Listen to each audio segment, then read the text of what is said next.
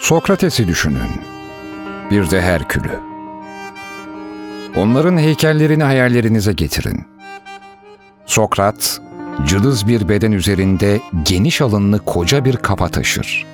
Sanki onun beyni kafatasına sığmamış da dışarıya fırlamış gibidir. Herkül ise ihtişamlı kaslarla bezeli dev gibi bir bedenin üzerinde minicik bir kafa taşır. Evet, bedeni güçlüdür ama kafası hiç çalışmaz. Ben size ya Sokrat'ın ya da Herkül'ün kafasını tercih edin demiyorum. Diyorum ki, mandanın bacaklarını düşünürken Sokrat'ın da kafasını unutmayın. Herkül gibi bir bedene sahip olmak için çaba sarf ediyorsanız, o bedenin üzerine Sokrat'ınki gibi bir baş koymak için de çabalayın. Hayattaki düzensizliklerin en büyük sebeplerinden biri şudur. Herkes hayatında sadece refaha kavuşmayı arzular. Fakat hiç kimse hayatı yükseltmeye çalışmak ve bizzat çalışma sayesinde hayatını daha iyi bir şekilde ayarlamak ihtiyacını duymaz. Herkes hayattan bir şeyler almak ister de kimse hayata bir şeyler katmaya yanaşmaz. Pek çokları toplum hayatına bir parazit gibi atılırlar ve başarıyı başkalarının sırtından kan emmek zannederler. Böyle bir hayat felsefesi gençlere nasıl bulaşır? Elbette başta ailelerinden. Ne ekerseniz onu biçersiniz. Ne pişirirseniz onu yersiniz derler ya. Eğer gençliğin ruhunu ekilmeyen bir tarla gibi bırakırsanız, orada ısırgan otları ve yırtıcı dikenler büyür. Ana babaların çocuklarının akıl ve ruh bahçelerini böyle ekip biçmeden bırakmaları vicdanlara sığmaz bir cinayet. Çünkü çocuklara iyi bir eğitim verme meselesi sadece ana babaları ilgilendiren bir mesele değil ki. Bütün toplumu, milleti ve devleti ilgilendiren bir mesele.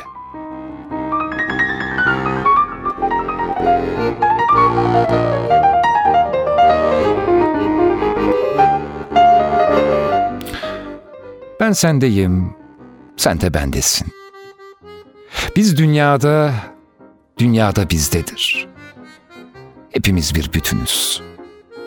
Dünyaya zarar verirsen, insanlara veya hayvanlara kötülük yaparsan, kendine zarar vermiş, kendini sakatlamış ve hayatını karartmış olursun. Her şeyden önce ana dilimize saygı göstermeli ve onu korumalıyız. Dilimiz yaşadığı sürece biz de bir halk olduğumuzu hissedeceğiz. Atalarımızın dili yok olursa halk da tükenir ve yok olur. Sizden ricam öğrencilere üniversitelerin birer diploma imal eden fabrikalar olmayıp etrafa ışık saçan canlı mumlar imal eden fabrikalar, ülkenin zihnen ve manen kalkınmasını sağlayan merkez istasyonlar olduğunu anlatmanızdır. Aydın olmak demek, modaya uygun elbise, şapka giymek ve kolalı gömlek giyinmek değildir. Aydın kesim, halkın beyni konumundadır. Halkımız sizi iyi bir eğitim aldıktan sonra yüksek bir gelir elde edesiniz, geceleri eğlenesiniz diye o konuma getirmemiştir.'' Böyle olanlar gerçek aydın olamazlar. Onlar yozlaşmışlardır. Herkes hayattan bir şey almak ister ama ona bir şey vermek istemez. Vatan için yaşamak, ilerlemesi ve yükselmesi için çalışmak da vatan için ölmek kadar şereflidir.''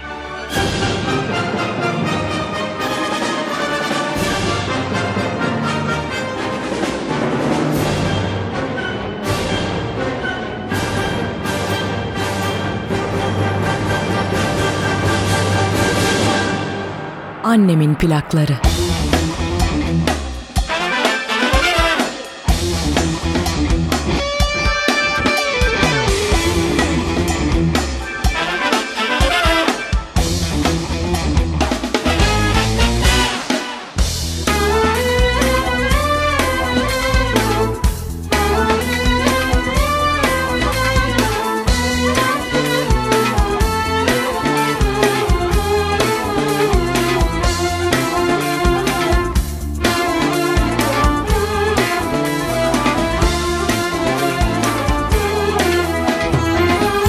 Daha yeni düştüm derde Yem olurum kuşa kurda.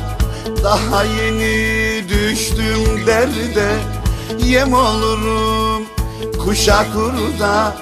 Yüce dağlar oldu perde Neredesin nazlı yarim? Neredesin, neredesin, neredesin Akşam oldu kara gözlüm neredesin?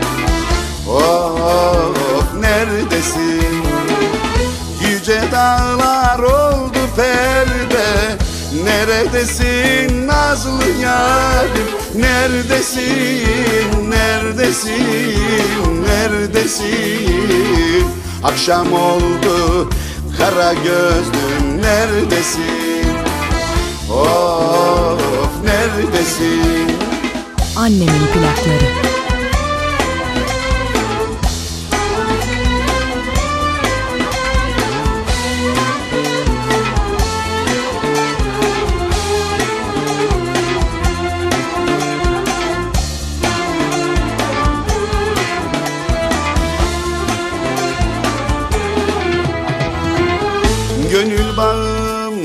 Talan oldu Seviyordum yalan oldu. Gönül bağım talan oldu Seviyordum yalan oldu. Seni benden alan oldu.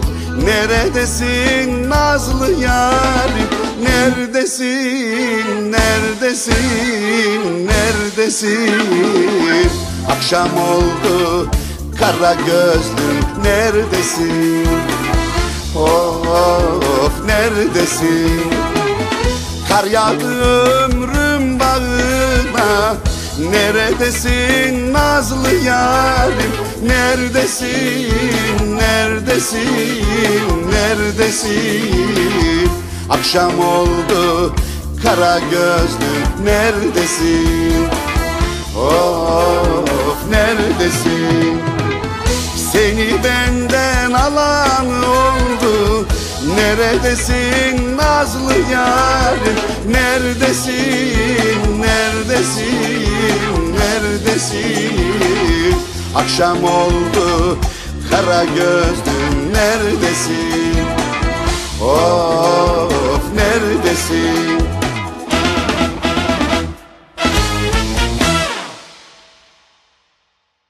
Hakikatin bilgisi peşinde geçirdiğim koca bir ömrün ardından geriye dönüp baktığımda ne zaman yese düşecek gibi olsam bazı menkıbelerde söylenenlerle temessül etmekten başka çıkar bir yol bulamadım kendime.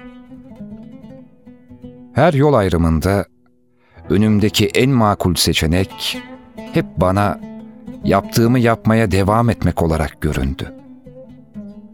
Aramak. Evet, sadece aramak. Her halükarda hem de ne pahasına olursa olsun aramaya devam etmek. Aramak, aradığımı bulmak anlamına gelmedi hiç. Gün oldu, ne aradığımdan emin olamadım. Gün oldu, doğru yerde arayıp aramadığımdan kuşkuya düştüm. Gün oldu, bulduğumun, bulduklarımın gerçekten de aradığım şey olup olmadığına bir türlü karar veremedim. Yakin sahibi olmaya çalıştıkça, yakinin yakınına geldikçe, yakinim olandan uzaklaştım. Yaklaşan ben oldum, uzaklaşansa o. Kim bilir, belki de o yakınlaştığında ben onun yanından uzaklaştım da bilemedim. Hasılı bazen terk ettim, bazen terk olundum.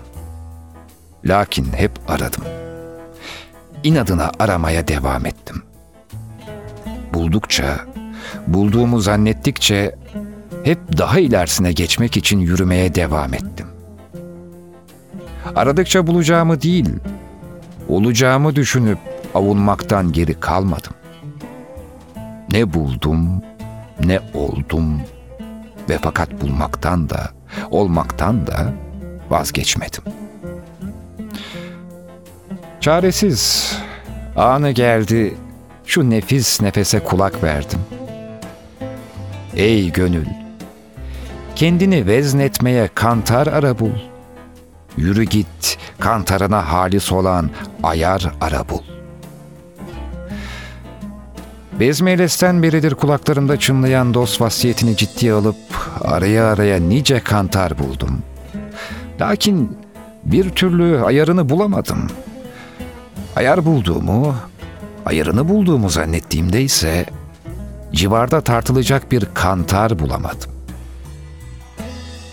Nereden bileyim, nefesin devamı da varmış. Ben de çaresiz devamına kulak verdim.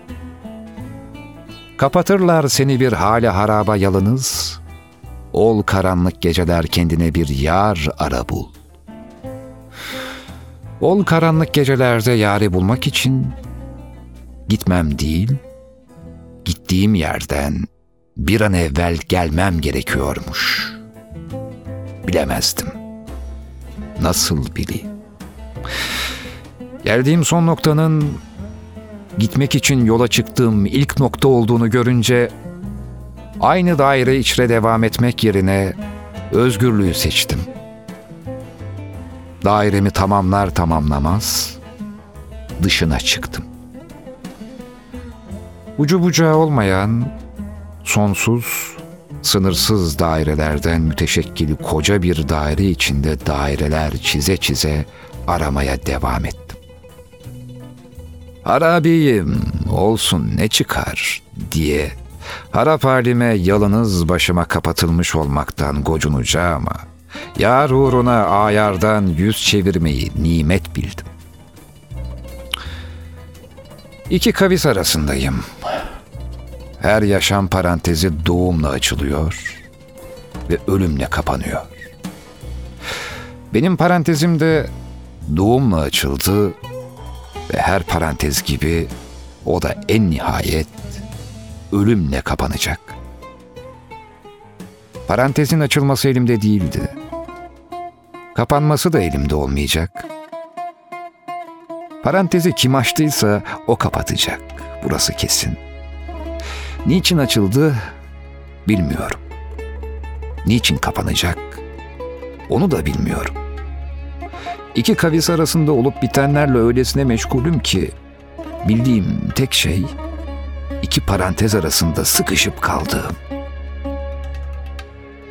Bu aradayım. Doğumla ölüm arasında.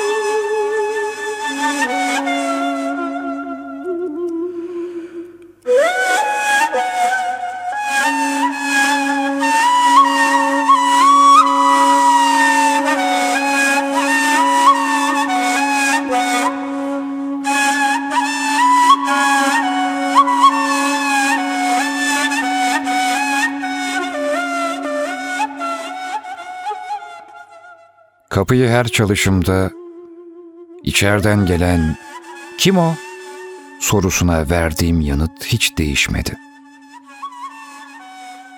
Bilmiyorum.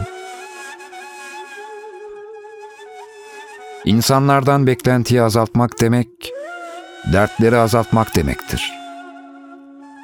Beklenti demek, dert demektir çünkü. Günümüz insanı için sadece bilmiyor diyemeyiz. O artık bilmeyi de istemiyor. Hal böyle olunca bu isteksiz insan bilmediğini bilmek ister mi? O halde bilmenin değil, yarım bilmenin ıstırap vereceğini kabul etmekten başka çaremiz kalmıyor. İnsanın sadece hatırlamaya değil, unutmaya da ihtiyacı vardır.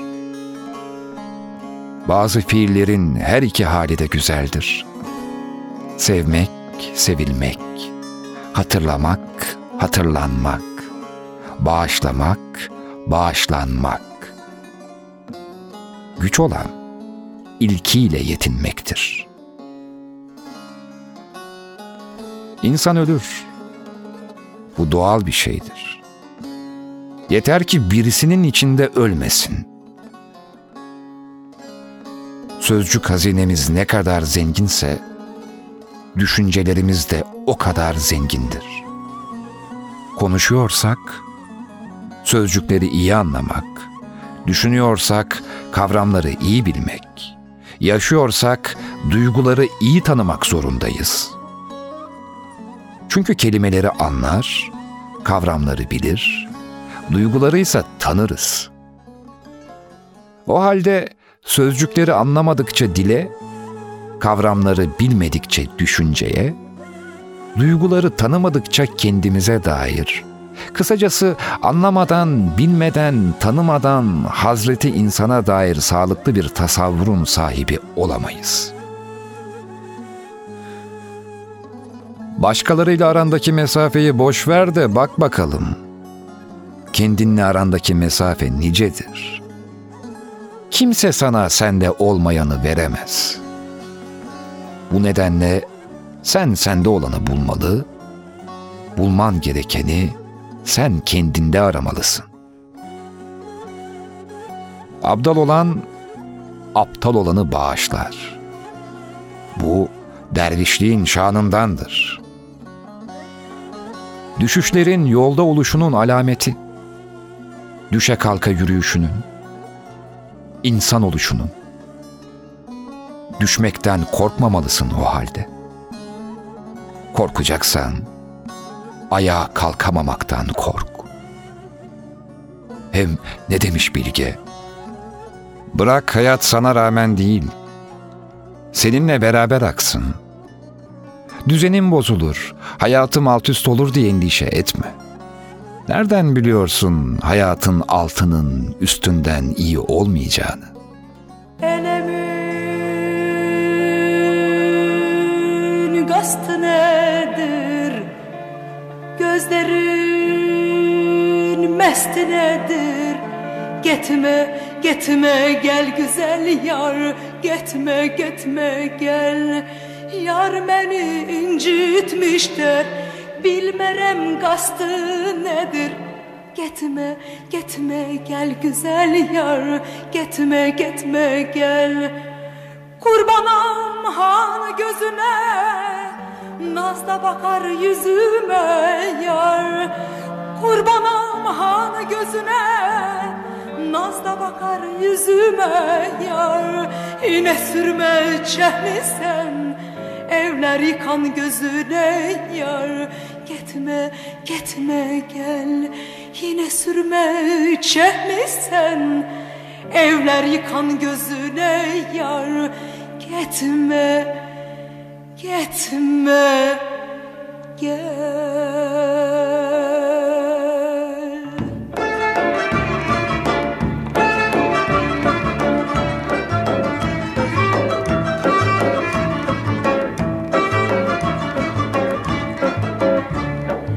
Etir saçır gülü çiçe Gülsün ömrün baharı dek. Etir saçır gülü çiçe Gülsün ömrün baharı dek.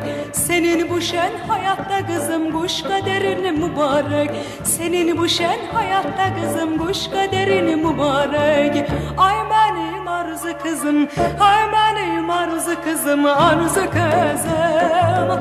Gönlümün yazı kızım Neşesi nazı kızım Arzu kızım Ay benim arzu kızım Ay benim arzu kızım Arzu kızım. Gönlümün yazı kızım Neşesi nazı kızım Arzu kızım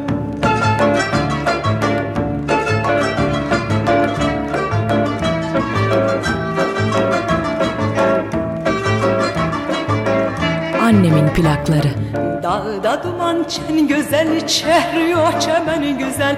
Dağda duman çen güzel, çehriyor çemen güzel. Kalbimde mini arzu var, hepsinden seni güzel. Kalbimde mini arzu var, hepsinden seni güzel. Ay benim arzu kızım, ay benim arzu kızım, arzu kızım. Gönlümün yazı kızım, neşesi nazı kızım, arzu kızım. Ay benim arzu kızım, ay benim arzu kızım, arzu kızım. Gönlümün yazı kızım, neşesi nazı kızım, arzu kızım. Ay benim arzu kızım, ay benim arzu kızım, arzu kızım. Gönlümün yazı kızım, neşesi nazı kızım, arzu kızım.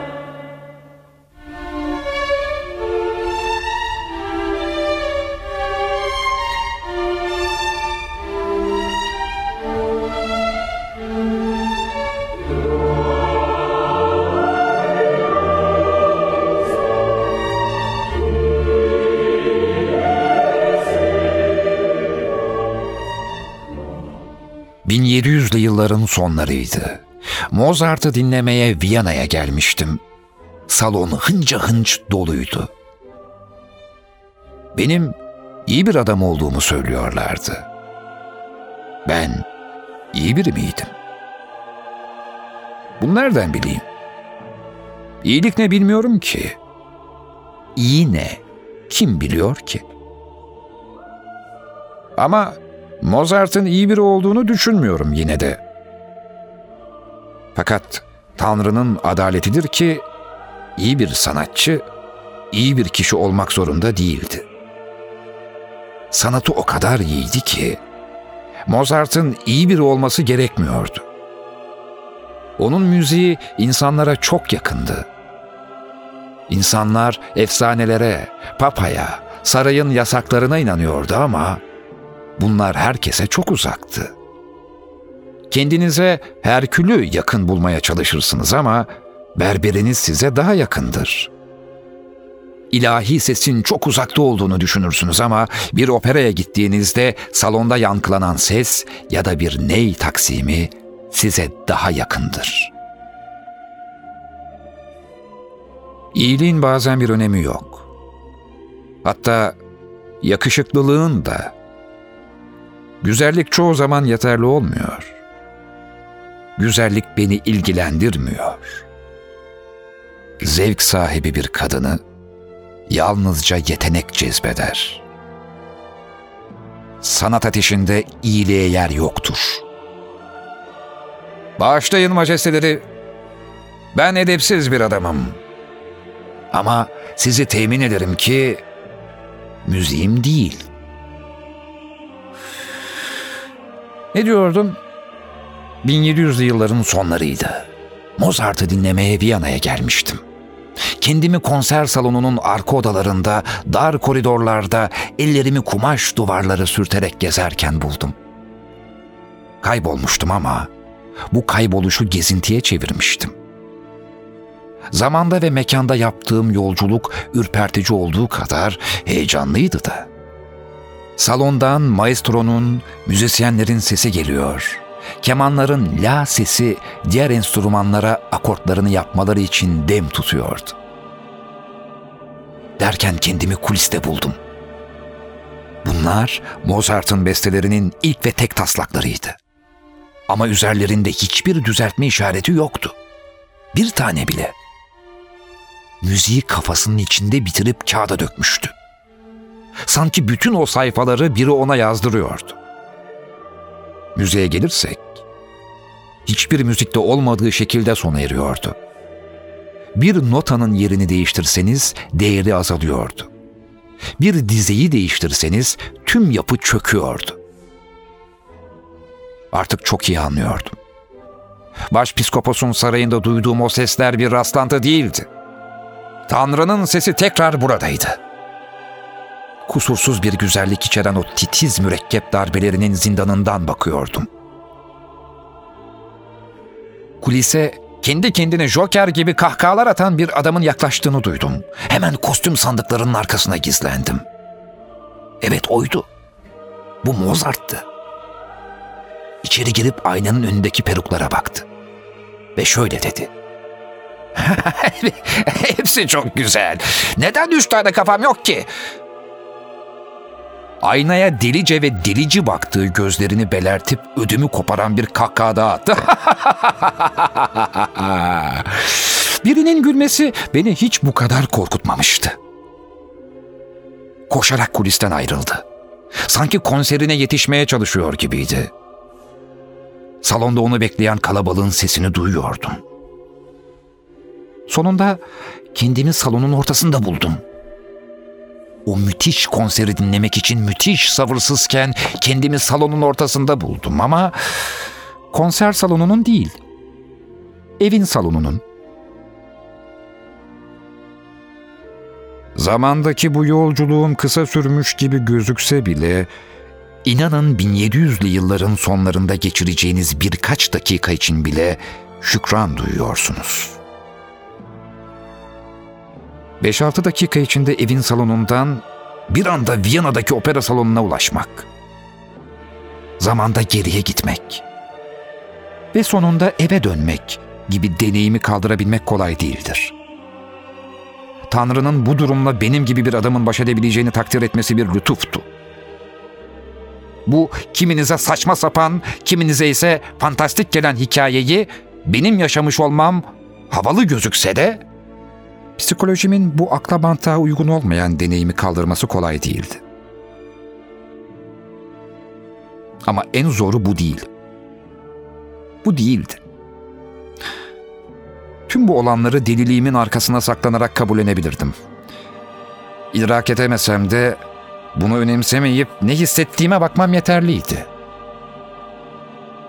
Benim hala asla kabullenemediğim tek bir şey vardı. O da Mozart'ın konserini dinleyemeden geri dönmek. Asıl zoruma giden buydu.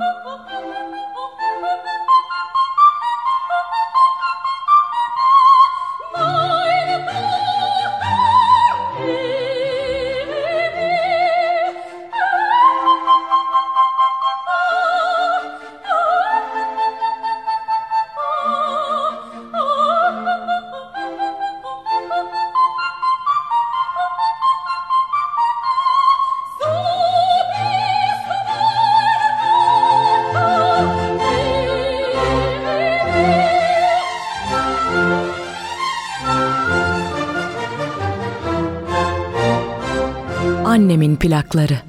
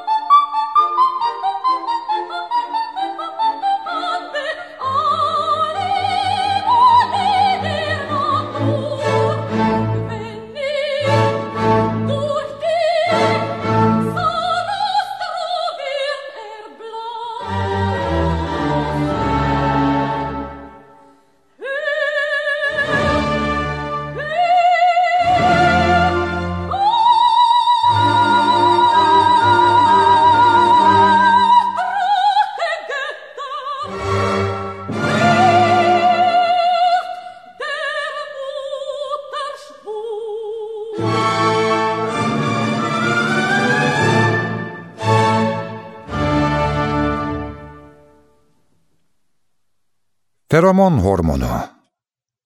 Hormon mu ondan da emin değilim gerçi. Bildiğim kadarıyla feromonlar burunla algılanır ama kokusuzdurlar. Aşkı başlatan kimyasal salgı diye de geçer. Ayrıca karıncaların gıdaya giden yolu bulmalarına yardımcı olur. Koloni halinde yaşayan karıncalar, kendilerinden sonra gelenlere yol göstermek için feromon salgılarlar. Diğer karıncalar da feromonun yoğun olduğu yolu seçerek yollarını kaybetmezler ve gıdaya en kısa yoldan ulaşırlar. Hatta mantarların eşeyli üreme öncesi birbirleriyle iletişim kurmada kullandıkları maddelere de bu ad verilir. Feromon İletişim, bildiğimizi sandığımız yollar dışında bir milyon şekilde daha gerçekleşir. Bunlardan biri de kimyasal haberleşmedir. Aslında sadece insanlarla sınırlı değil bu durum. Köpeklerde, kuşlarda, böceklerde, yani neredeyse bütün canlılarda. Ayrıntıda ayrılsa bile temelde ortaktır. Konuşma yeteneğini geliştirmeden önce haberleşemediğimizi düşünmüyordunuz herhalde değil mi?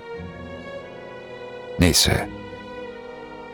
Kimyasal dilin cümleleri de bu feromonlardır işte.'' Birçok canlıda sırf bu feromonları algılayıp merkezi sinir sistemini durumdan haberdar etmekle sorumlu duyu organları bulunur. Bir bakıma buna altıncı hisse deniyor. Erkek köpekler dişilerin kıçlarını koklayarak yumurtlama dönemlerinde olup olmadıklarını anlayabilirler misal. Uzun süre, hatta bazen yaklaşık bir hafta aynı ortamda bulunan kadınların adet dönemlerini birbirine yaklaştıran bir hormon olduğu da söyleniyor feromonun. Genelde bilinmeyen, erkeklerin salgıladığı kimi feromonların da bu sürece etki edebildiğidir. Yine erkekler, yumurtlama dönemlerindeki kadınları daha çekici bulurlar bahsi geçen kimyasallar yüzünden.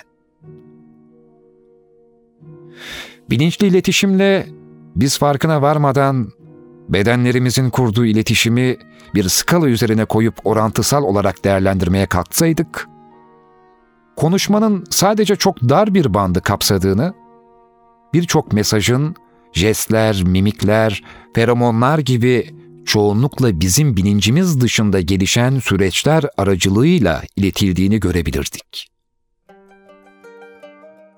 Tüm bu bilinçsiz iletişim faaliyetleri arasında hakkında en az bilgi sahibi olduğumuz kimyasal iletişimin aslında zaten devasal kimya fabrikaları olan vücutlarımızın en çok kullandığı haberleşme yöntemi olması da muhtemeldir. Üstelik koku sinirleri diğer duyulardan farklı olarak hiçbir işleme tabi tutulmadan direkt içgüdülerimizin kaynağı alt beynimize bağlanırlar. Tabii ki hiper karmaşık insan ilişkilerini sadece bu kimyasallarla bağlamak, açıklamaya çalışmak yerinde olmaz. Lakin yine de klişe klişe senden elektrik alamadım diyeceğinize senden feromon alamadım demeniz daha mantıklıdır. Bir şeyleri bilmiyor olmanız, ne yazık ki kıçınızdan uydurmanızı, dahası kıçından uyduranlara inanmanızı haklı göstermiyor. Bir şey daha. Bu feromonların kokuları çok önemli değil. Kokuyu almasanız bile ki muhtemelen koku sinirlerinizi aktive etmezler, etkilenirsiniz varlıklarından. Çok daha baskın bir koku arkasına saklanmış olsalar bile fark edilirler yani. Ama rica ederim feromon yayacağım diye deodorant kullanmamazlık etmeyin siz yine de. Bu salgı maddeleri bir inanışa göre doğada öpüşme kavramının yaratılmasını sağlayan maddelerdir. Bebeğin annesini tanımasını sağlayan, sevgiliyi belirleyen, aile bireylerini yabancılardan ayırmayı mümkün kılan yine feromonlardır. Normal kokulardan farklı bir işleyişe sahip olan feromonlar, vomeronasal organ yolunu kullanır.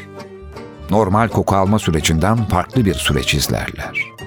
VNO feromonları hissettiğinde beynin susama, acıkma ve çoğalma gibi ilkel içgüdüleri kontrol eden bölümü hipotalamusa tamamen içgüdüsel sinyaller yollar bu sinyaller anında refleks olarak geri döner.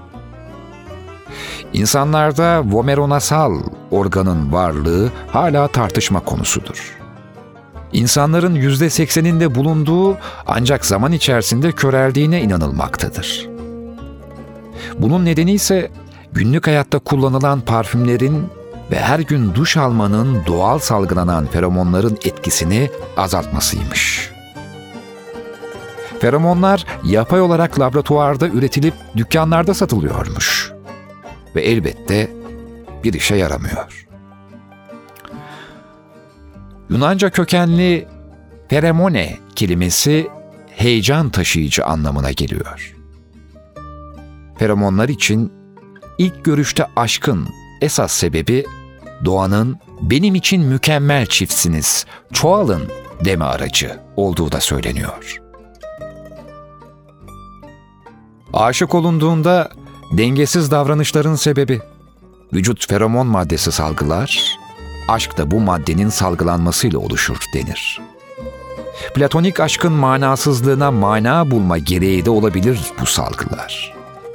Ben bu adamın ya da bu kadının neyinden hoşlandım ya? şeklindeki iç ve dış seslerin cevabıdır feromonlar. Müzik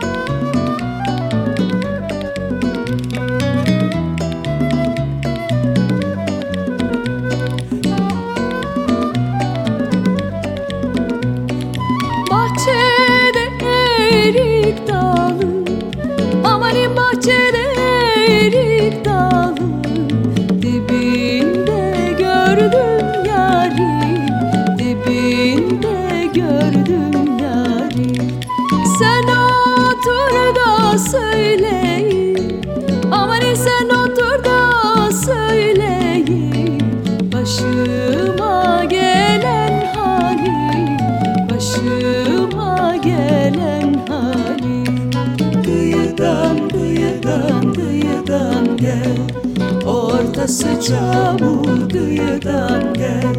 Kıyıdan kıyıdan kıyıdan gel. Ortası çamur kıyıdan gel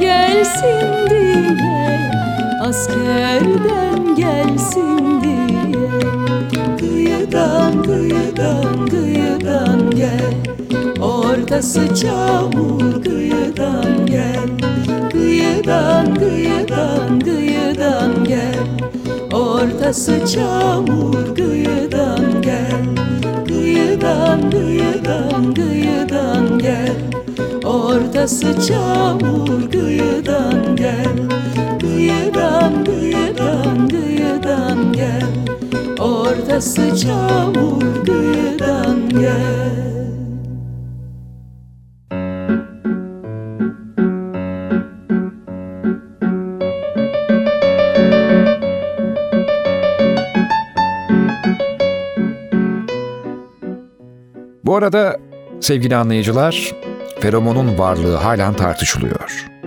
Ki insanlarda feromonları algılayacak organ olan vomeronasal organın işlevsiz olduğundan feromonları algılayamadığımız da söyleniyor. Ama önceden de dediğim gibi bazı insanlarda bu algılayıcının hala aktif olduğu bir diğer düşünce. Tanımlamakta zorlanılan kimyasalların havada uçuşup iletişime geçtiği düşüncesi yine de kulağıma hoş geliyor. Bu salgının yıkanmakla etkisinin hayli azaldığı söyleniyor. Öyle ki bu salgıyı kadınlar kozmetiklerle bilmeden maskeliyor ve çarpık çiftleşmenin insanın eşini bir türlü bulamayacak olmasının ya da bulana kadar birçok badire atlatmış olmasının nedenini hazırlıyor.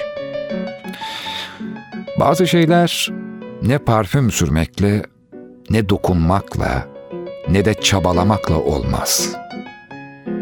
Bir insanın konuşmasını, kaşını gözünü sevmek başka bir şey, feromonların uyuşması başka şey.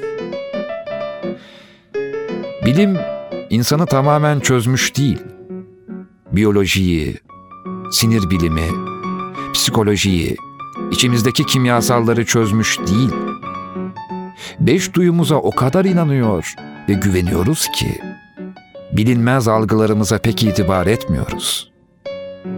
Ben ne gördüğüme inanırım ne duyduğuma. Belki de en yanıltıcı gördüklerimiz ve duyduklarımızdır. İkisi de zanlardan örülü. Görmeden, duymadan hissettiklerimizi neyle, hangi organla, hormonla, salgıyla algıladığımızın pek de önemi yok aslında. Beş duyu organınızın dışında bir şey hissettiğinizde onu mantıksız ve yanıltıcı bulmanız normal. Ama yanılsanız ne olur ki? Gözünüzle gördükleriniz, kulağınızla işittikleriniz yüzünden hiç yanılmıyor musunuz sanki? İster altıncı his diyelim, ister feromon, ister içgüdü, ister ruh. Ne ile hissettiğimizi tanımlamak çok karmaşık olur. Ne ile hissettiğimiz yerine ne hissettiğimiz daha mühim değil mi? Damak olsa ne olur, kulak olsa ne olur, deri olsa ne olur? Göz, kulak, burun. Hangi biri ne kadar tutarlı sanki? Ensene biri bir buz parçası değdiriyor da yanıyorsun. Gözlerim ne yazık ki her şeyi izah etmeye yetmiyor. Renkleri şaşırıyorsun. Şekersiz şeker tadıyla bile bile kendini kandırıyorsun. Bilmeye bilmeye sadece hissettiklerinden yanılsan ne olur?'' Artık bir şeylerin kaybolduğundan söz etmeyecek kadar olgunlaşmış birine benziyorsunuz. Ama yanılabilir insan.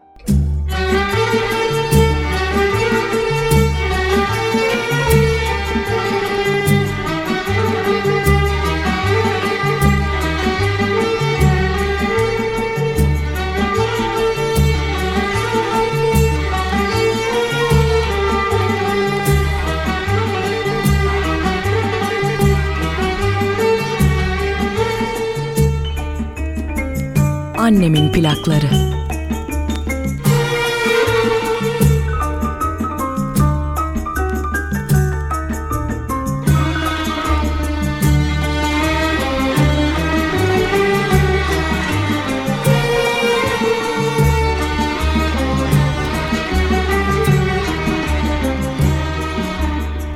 Kalbimde gizli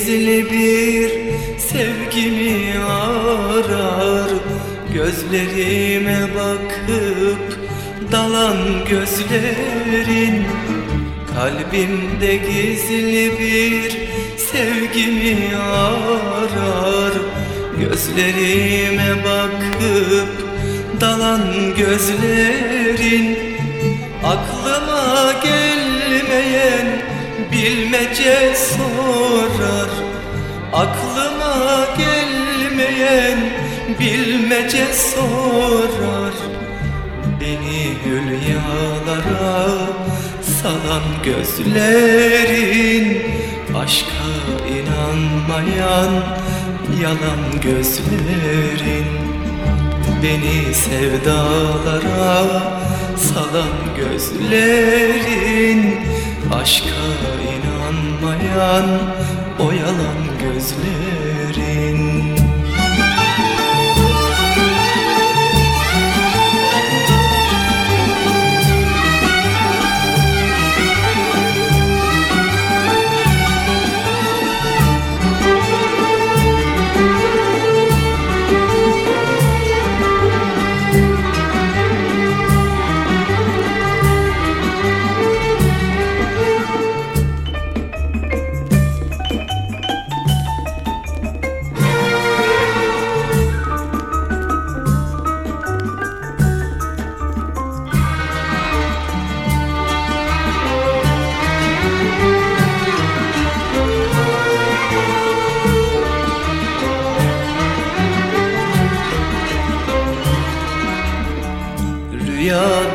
belki de bütün ümitler Gözlerin aklımı perişan eyler. Rüyadır belki de bütün ümitler Gözlerin aklımı perişan eyler. Aşk masalından şarkılar söyler Aşk masalından şarkılar söyler. Beni hülyalara salan gözlerin Aşka inanmayan o yalan gözlerin. Beni hülyalara salan gözlerin Aşka inanmayan yalan gözlerin Beni hülyalara salan gözlerin. Aşka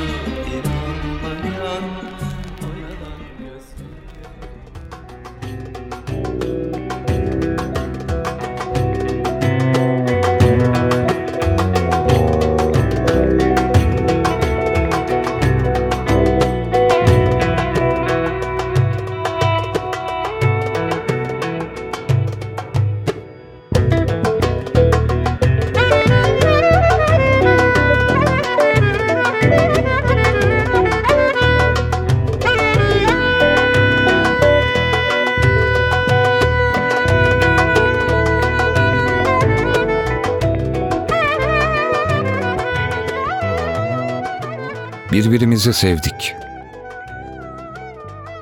Bu hiçbir zaman akıllarda bir soru değildi.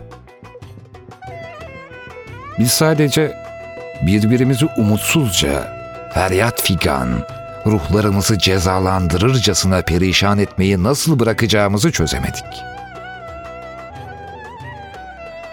Terk etmekten daha fazla katlanılmaz olan tek şey kalmaktı. Kalmaktan daha imkansız olan şeyse terk etmekti. Kendimi umutsuz bir çiftçinin kirletilmiş, üzerinde bir hayli çalışılmış ve nadasa bırakılmaya ihtiyaç duyan toprağı gibi hissediyordum. Kendimi sevdiğimi kanıtlamam için seni sevmeye ihtiyacım yok benim. Sen pokerin öteki yüzüne sahip gibisin. Senin yüzün tıpkı tıpkı bir ayna gibi. Düşüncelerim eski komşularım gibi oldular. Biraz can sıkıcılar. Bay ve Bayan Laklak'la onların Laf, Laf ve Laf adlı üç aptal çocuğu. Ancak sonuçta sevimliler.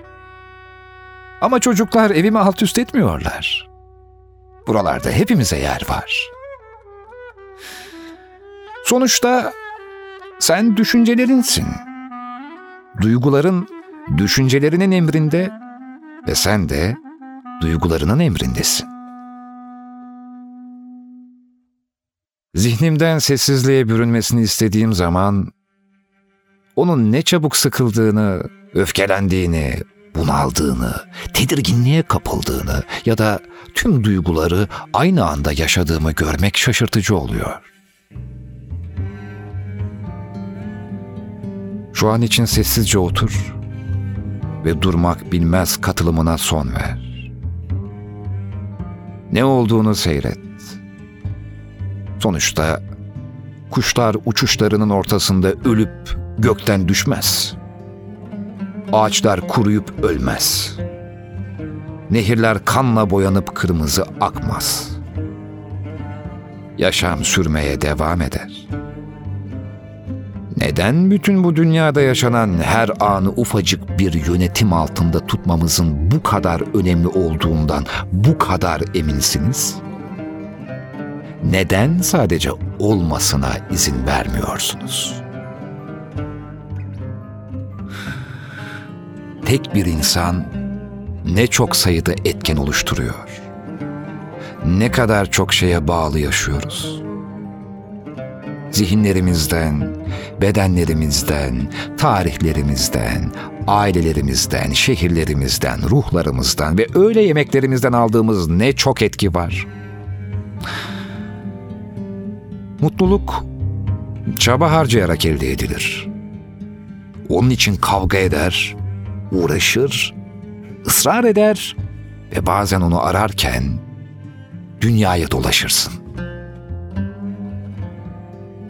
Antik Hindistan yoga metni der ki, bir kimsenin yaşantısının mükemmel yapılmış bir taklidini yaşamak yerine, kendi kaderinizi kusurlu bir şekilde yaşamanız çok daha iyi ve anlamlıdır. Evlilik, iki insanı birbirine bağlayan bir ameliyat. Boşanma da iyileşmeleri uzun zaman alan kol ya da bacağın kesilmesi durumudur. Evli olduğun süre ne kadar uzun olursa ya da kesik ne kadar şiddetli hissedilirse iyileşmek de o kadar zaman alır. Çaresiz bir aşkta karşımızdakinin bizim ihtiyacımız olan kişi olmasını bekleyerek karakterler yaratırız ve sonra eşimiz bizim yaratmış olduğumuz role girmeyi reddettiğinde kendimizi perişan ederiz. Tanıdık ve konforlu olan her şeyi arkanızda bırakabilecek kadar cesursanız ki bunlar evinizden, eskiden içinizde kalan gücenmeye kadar her şey olabilir. Gerçeği aramak için bir yolculuğa çıkarsınız. Ki bu yolculuk içinizde ya da dışarıda olabilir. Bu yolculuk boyunca başınıza gelecek her türlü olaya ipucu olarak bakmaya niyetliyseniz ve yol boyunca tanıştığınız herkesi bir öğretmen olarak kabul edebilecekseniz, hazırsanız en önemlisi de kendiniz hakkındaki en zor gerçeklerle yüzleşip affedebilecekseniz, işte o zaman gerçek sizden saklanmaz. Bazen aşk için dengeni kaybetmek, dengeli hayatın bir parçasıdır. Farsçadan geçen cennet kelimesinin sözlük anlamı duvarlı bahçe demektir.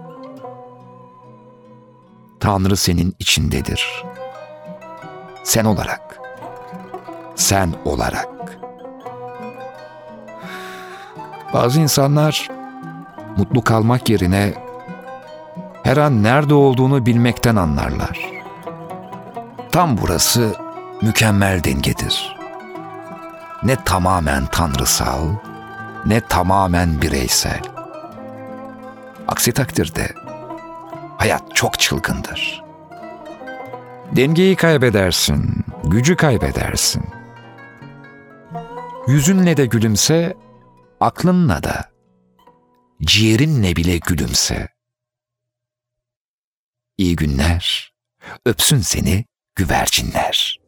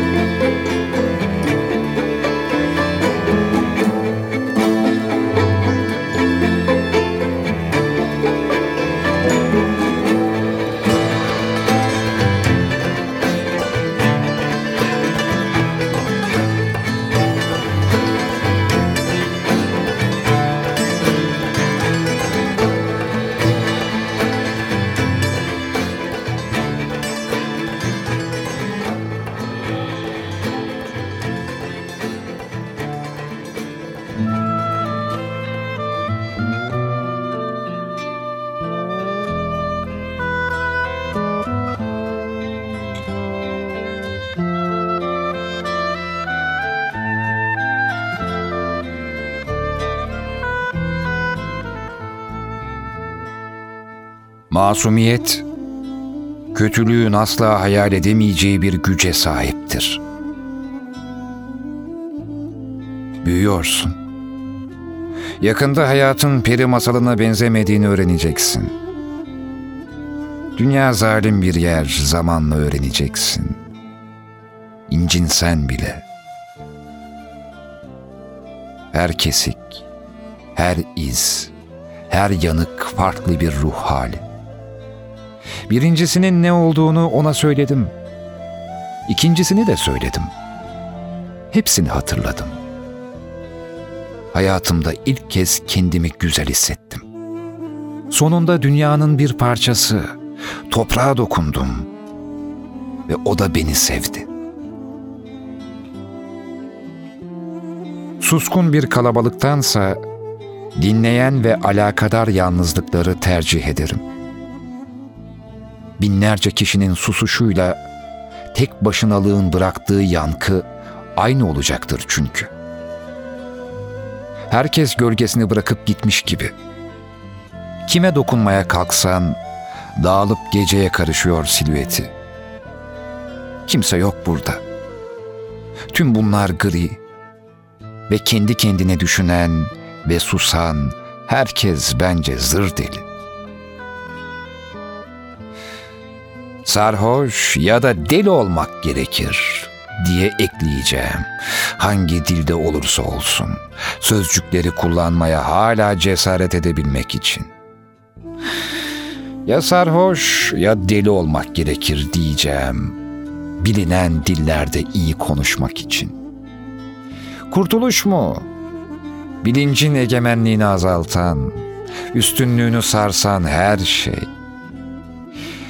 Bu dünyadan uzaklaştığımız, ona yapışıp kalmadığımız ölçüde söz geçirebiliriz bu dünyaya. Kayıtsızlık sonsuz güç verir. Meçhul olmayı sev. Meçhul olmayı sev. Andan önce, andan sonra ama asla anda değil. Kıyıma uğramış ağaçlar, evler çırılçıplak ortada, her yerde ağızlar, ağızlar, ağızlar. İnsanlar yayılmış ortalığa. İnsan, toprağın kanseri. İntikam duygusu bastırılırsa ciddi bunalımlarla karşı karşıya kalır insan. Birçok dengesizlik, belki de her dengesizlik uzun süre ertelenmiş bir intikamdan kaynaklanır. Patlamasını bilelim. Her türlü huzursuzluk, birikmiş öfkenin yarattığı huzursuzluktan daha sağlıklıdır. Etobur çiçeklere kurban giden arı kuşunun tedirginliğinde ruh halim. Nasıl bir uçurum kusursuzluğuna ulaşmışım ki düşecek yerim bile kalmamış. Bir tek cümle için bağlanırım insanlara ve bir kelime için giderim, terk ederim o diyarı. Ne de olsa olgunlaşmak için hep yanlış ata oynamak gerekir. İnsan türü ancak kendini mahvedene hayran olur. Hiç kimse öğrenmek için okumaz. Unutmak için okur insan. Ölümü solumuş kişi için kelamın kokusu ne perişanlıktır. Özgür olmak, bir insanın ödül düşüncesini sonsuza dek başından savmasıdır. İnsanlardan ve tanrılardan bir şey ummamaktır. Bu dünyayı ve ne kadar dünya varsa yalnızca hepsini reddetmekle kalmayıp, kurtuluşun kendisini de reddetmektir.'' zincirler arasındayken bile bu zincir düşüncesini parçalamaktır.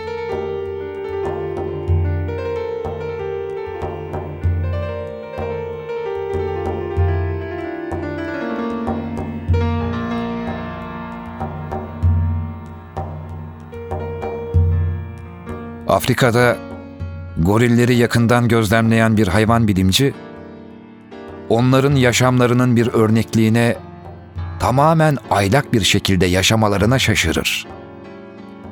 Saatlerce hiçbir şey yapmadan. Yoksa can sıkıntısı nedir bilmiyorlar mı? Bu soru tam bir insan sorusu. Meşgalesi olan bir maymunun sorusudur. Hayvanlar tek düzelikten kaçmak şöyle dursun. Onu ararlar. En çok korktukları şey o tek düzeliğin bozulmasıdır. Çünkü yerini korku alır ki o da her türlü aşırı meşguliyetin nedenidir. Eylemsizlik tanrısaldır. Ama insanın baş kaldırdığı şey de budur. Doğada sadece insan tek düzeliğe katlanamaz. Sadece insan ne pahasına olursa olsun, her ne olursa olsun bir şey olmasını ister. Bununla da atasına layık olmadığını gösterir. Yenilik ihtiyacı, yolunu şaşırmış bir gorilin ihtiyacıdır. Bir gün onun da sırası gelir. Sırası gelir belki. Hiç konuşmadığınız, şimdilik ondan hiç söz etmediğiniz bir filozof şehre gelir ve bir taşa oturur. Oyun hevesini bastırmış bir gencin ona doğru geldiğini görür. Elinde bir solucan vardır. Ağır hareketlerle bırakır yere yavaşça. Solucan taşa doğru ilerler ve şöyle der. Bana zaman ver, seni oyayım.''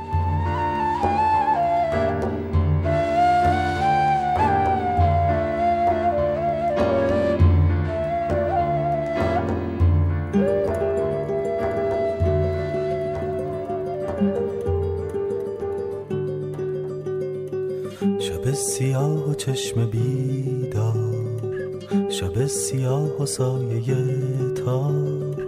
شب سیاه و باد و باران شب سیاه و ماه پنهان. شب سیاه و چشم بیدار. شب سیاه و سایه تار. شب سیاه و باد و باران شب سیاه و ماه پنهان. نرو به من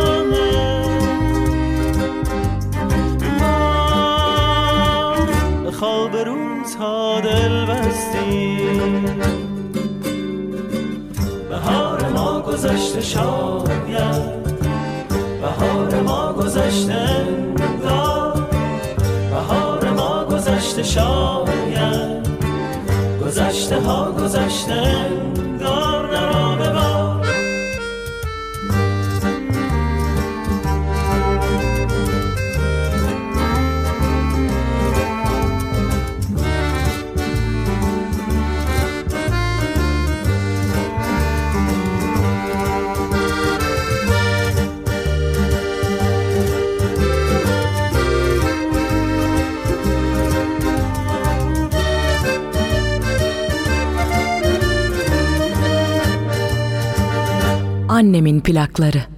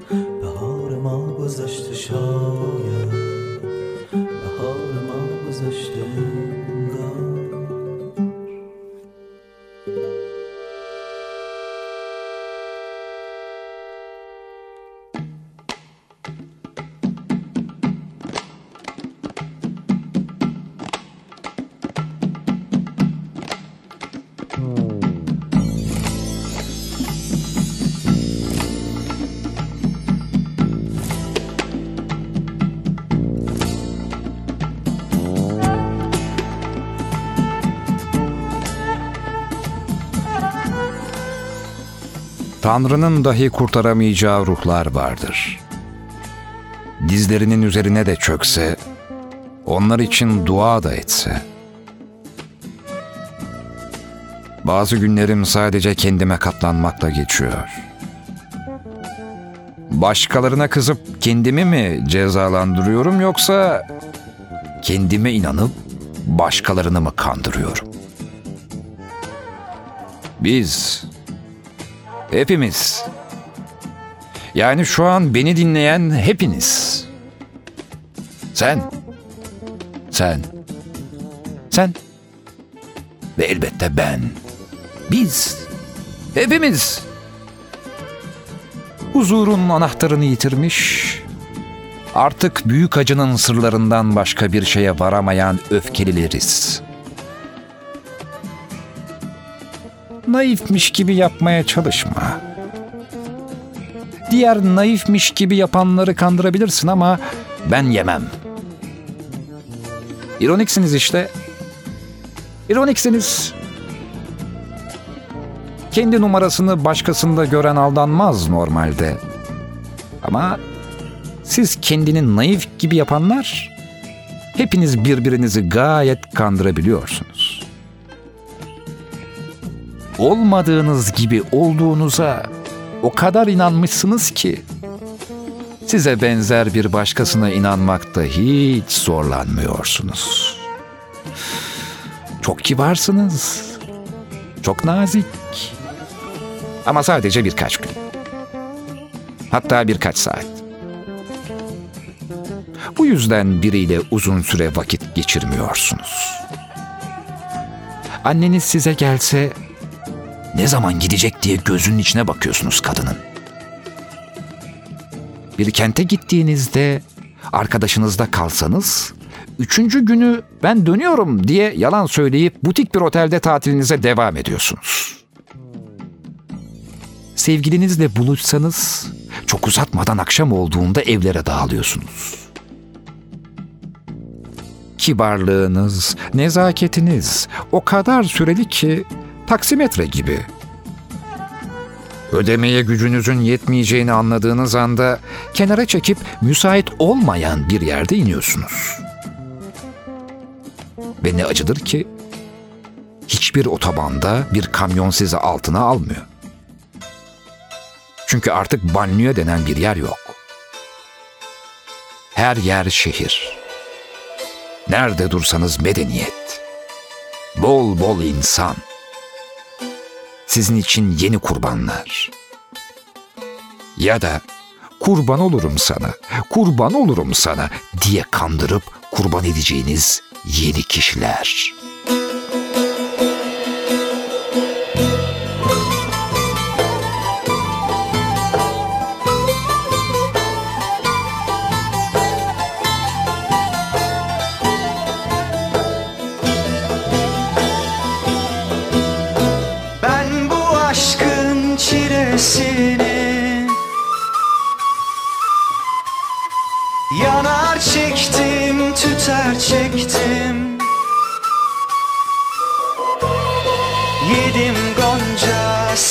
Sillesini Yedim gonca sillesini Bülbül gibi öter çektim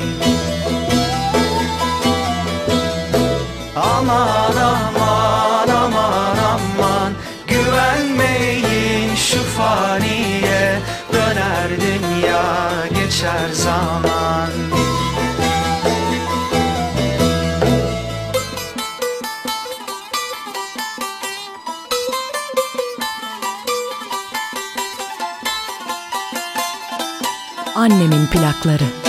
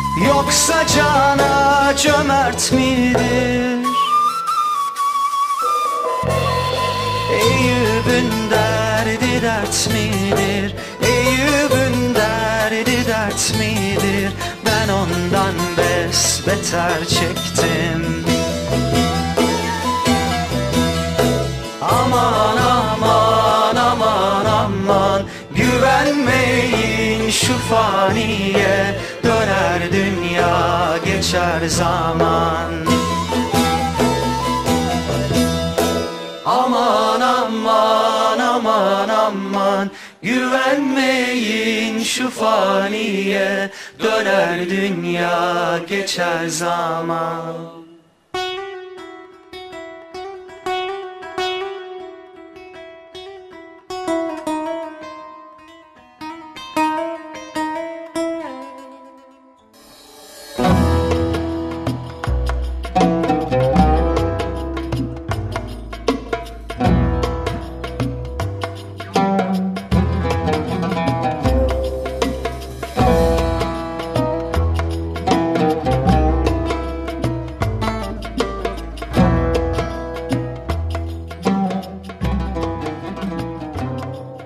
roman kahramanının peşinden gideceksem Don Quixote'un peşinden giderim.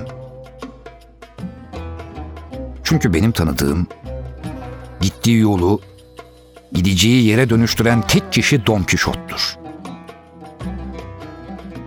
Eğer insanlar bazı roman kahramanlarının ruhsal durumunu doğru teşhis edebilmiş olsaydı, şimdi birçok üniversitede başka kitaplar okutulur olurdu. Bir kitap ne başlar ne biter. Olsa olsa öyle görünür. Hayat belki de gecikmiş karşılaşmaların büyüsü üzerine kuruludur. Bazen hiç tanımadığınız bir ses, bir kelime, beklentinin olmadığı, umutsuzlukların derinleştiği yerlerde çıkar karşınıza. Değişik alanlara götürür sizi.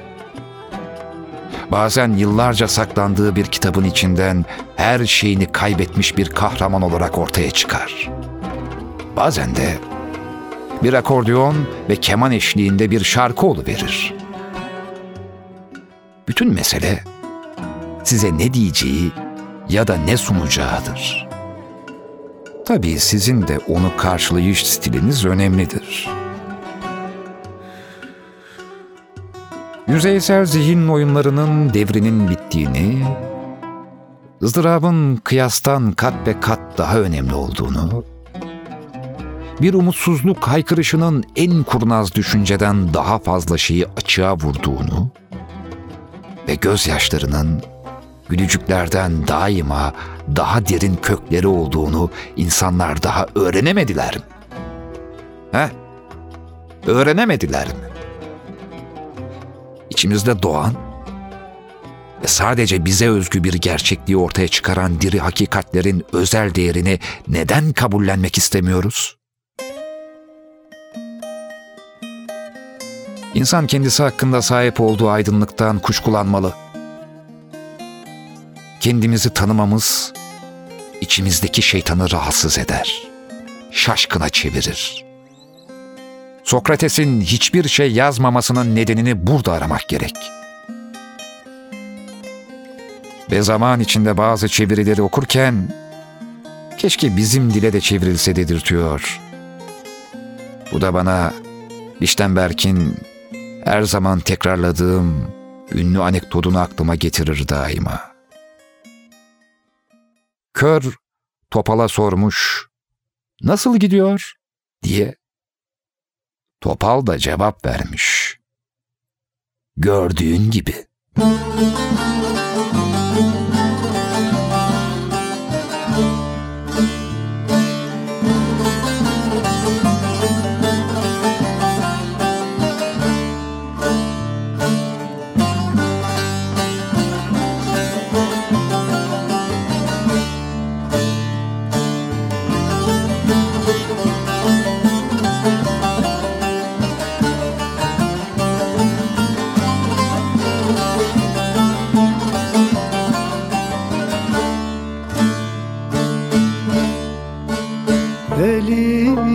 Dedim bededim aman Kız ben sana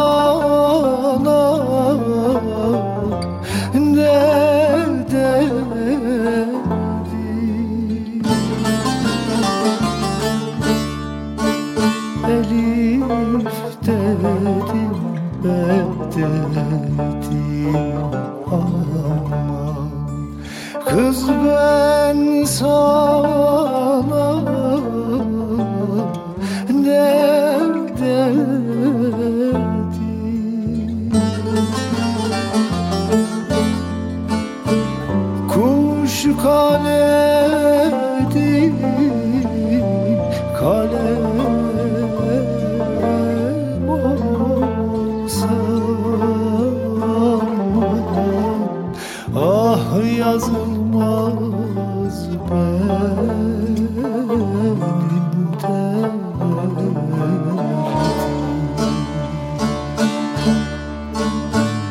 Kuş kaledi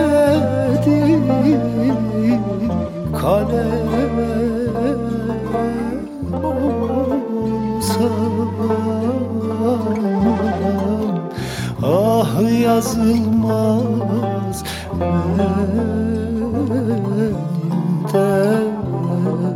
benim